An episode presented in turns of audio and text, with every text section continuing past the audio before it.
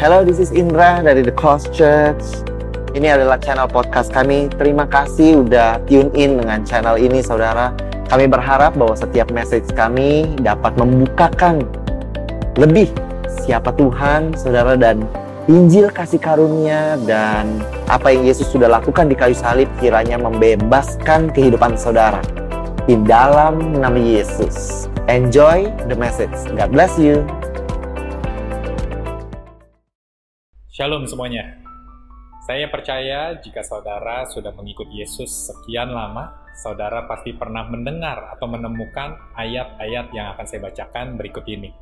Yang pertama di Markus pasal 3 yang berkata, "Aku berkata kepadamu, sesungguhnya semua dosa dan hujat anak-anak manusia akan diampuni.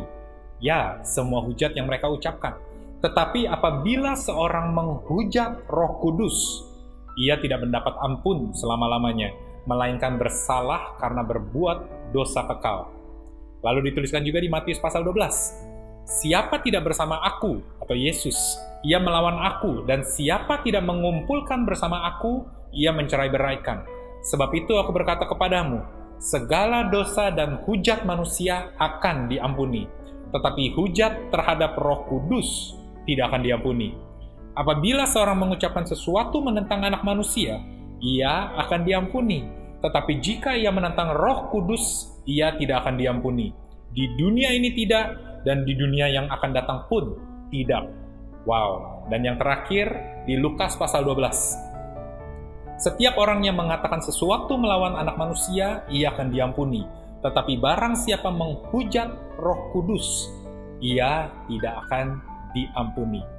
Saya percaya saudara pernah mendengar ketiga ayat ini dan kemudian saudara pun mulai berpikir, apakah jangan-jangan saudara pernah melakukan atau bahkan saudara masuk ke dalam kategori orang-orang yang dosanya tidak dapat diampuni. Jika saudara melihat ada satu persamaan di antara tiga ayat yang baru saja saya bacakan tadi, bahwa ketiga-tiganya berkata siapa yang menghujat anak manusia atau Yesus dapat diampuni, namun siapa yang menghujat akan Roh Kudus tidak dapat diampuni dan bahkan tidak akan diampuni selamanya, nanti pun tidak akan. Ini adalah dosa yang kekal. Pasti yang mendengarkan hal ini dan kita jika tidak mengerti konteksnya, pasti kita akan ketakutan saudara-saudara. Jangankan saudara saya pun akan takut. Jangan-jangan saya pernah mendukakan, jangan saya jangan-jangan saya pernah menghujat Roh Kudus. Tapi saya ingin memberikan sebuah penegasan dan sebuah keteguhan untuk saudara dan saya. Bagi kita setiap orang percaya, kita tidak mungkin melakukan hal ini, saudara-saudara. Saya akan jelaskan mengapa. Karena Bapa, Yesus atau Anak dan Roh Kudus adalah tiga dalam satu. Ketiga dari mereka, walaupun mempunyai pribadi yang berbeda-beda, tapi mereka mempunyai suara atau pemikiran yang sama, saudara-saudara. Bapa merencanakan karya keselamatan, Yesus adalah karya keselamatan yang direncanakan dan Yesus harus mati untuk menebus dosa manusia. Lalu Roh Kudus akan diberikan untuk memberitakan tentang kabar baik dan rencana keselamatan ini kepada setiap manusia.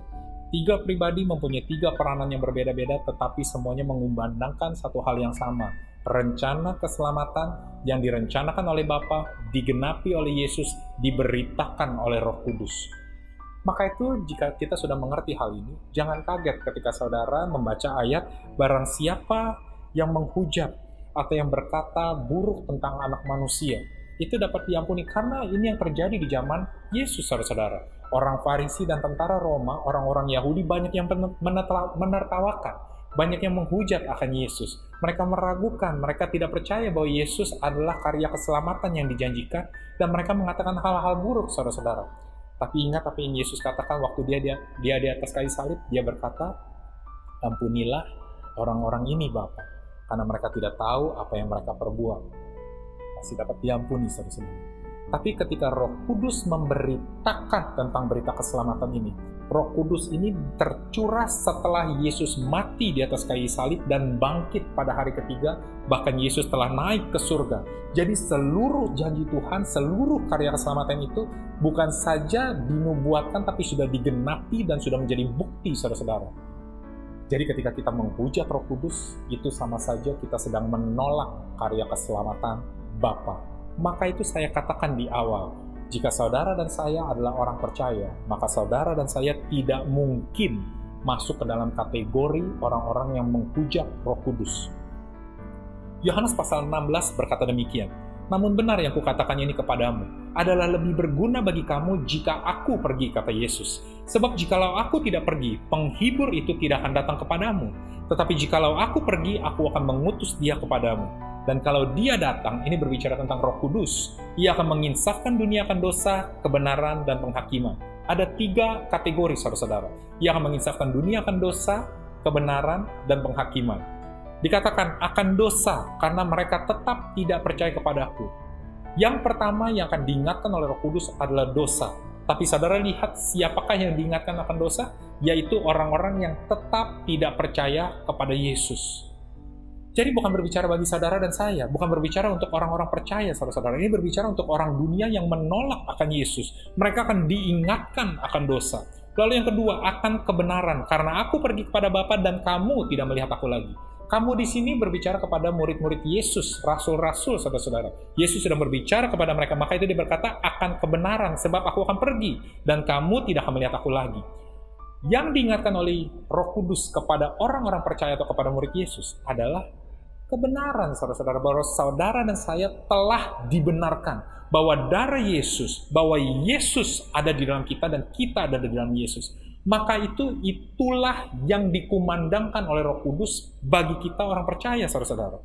Dan yang ketiga, akan penghakiman karena penguasa dunia ini telah dihukum. Penghakiman hanya ditujukan kepada penguasa dunia, bahwa iblis telah diingatkan berkali-kali oleh Roh Kudus bahwa engkau telah dihukum dan engkau tidak mempunyai kuasa lagi.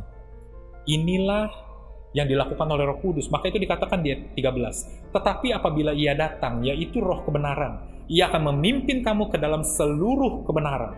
Sebab ia tidak akan berkata-kata dari dirinya sendiri. Ini yang saya katakan, mereka seia sekata. Tetapi segala sesuatu yang didengarnya, itulah yang akan dikatakannya dan ia akan memberitakan kepadamu hal-hal yang akan datang.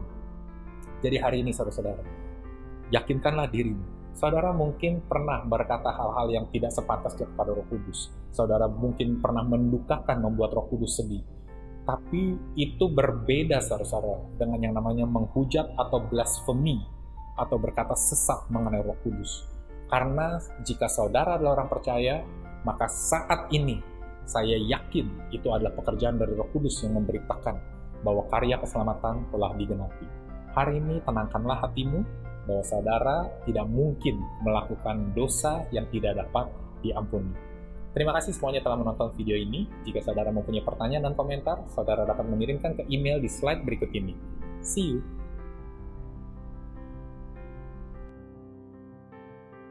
Hai, saya Julian Chong dari The Cause Indonesia Church dan ini adalah channel YouTube kami. Saya mau berterima kasih karena sudah bergabung dengan kami hari ini. Saya berharap apa yang kami bagikan menginspirasi Anda membangun iman Anda, dan juga memberikan perspektif tentang bagaimana Tuhan bergerak di dalam kehidupan Anda. Saya percaya video hari ini sudah memberkati Anda. Maka itu jangan lupa untuk suka dan sebarkan video ini ke teman-teman ataupun keluarga Anda. Serta berlangganan dan juga menyalakan lonceng pemberitahuan di bawah ini untuk mendapatkan update akan video-video terbaru dari kami. Sekali lagi terima kasih dan jangan lupa nonton video kami yang lain di channel kami. Sampai jumpa di episode yang lainnya. Shalom.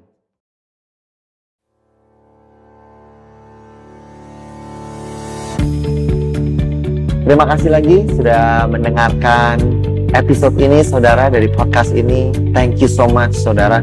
Saya berharap bahwa Injil kasih karunia dan apa yang Yesus sudah lakukan bisa membebaskan kehidupanmu saudara.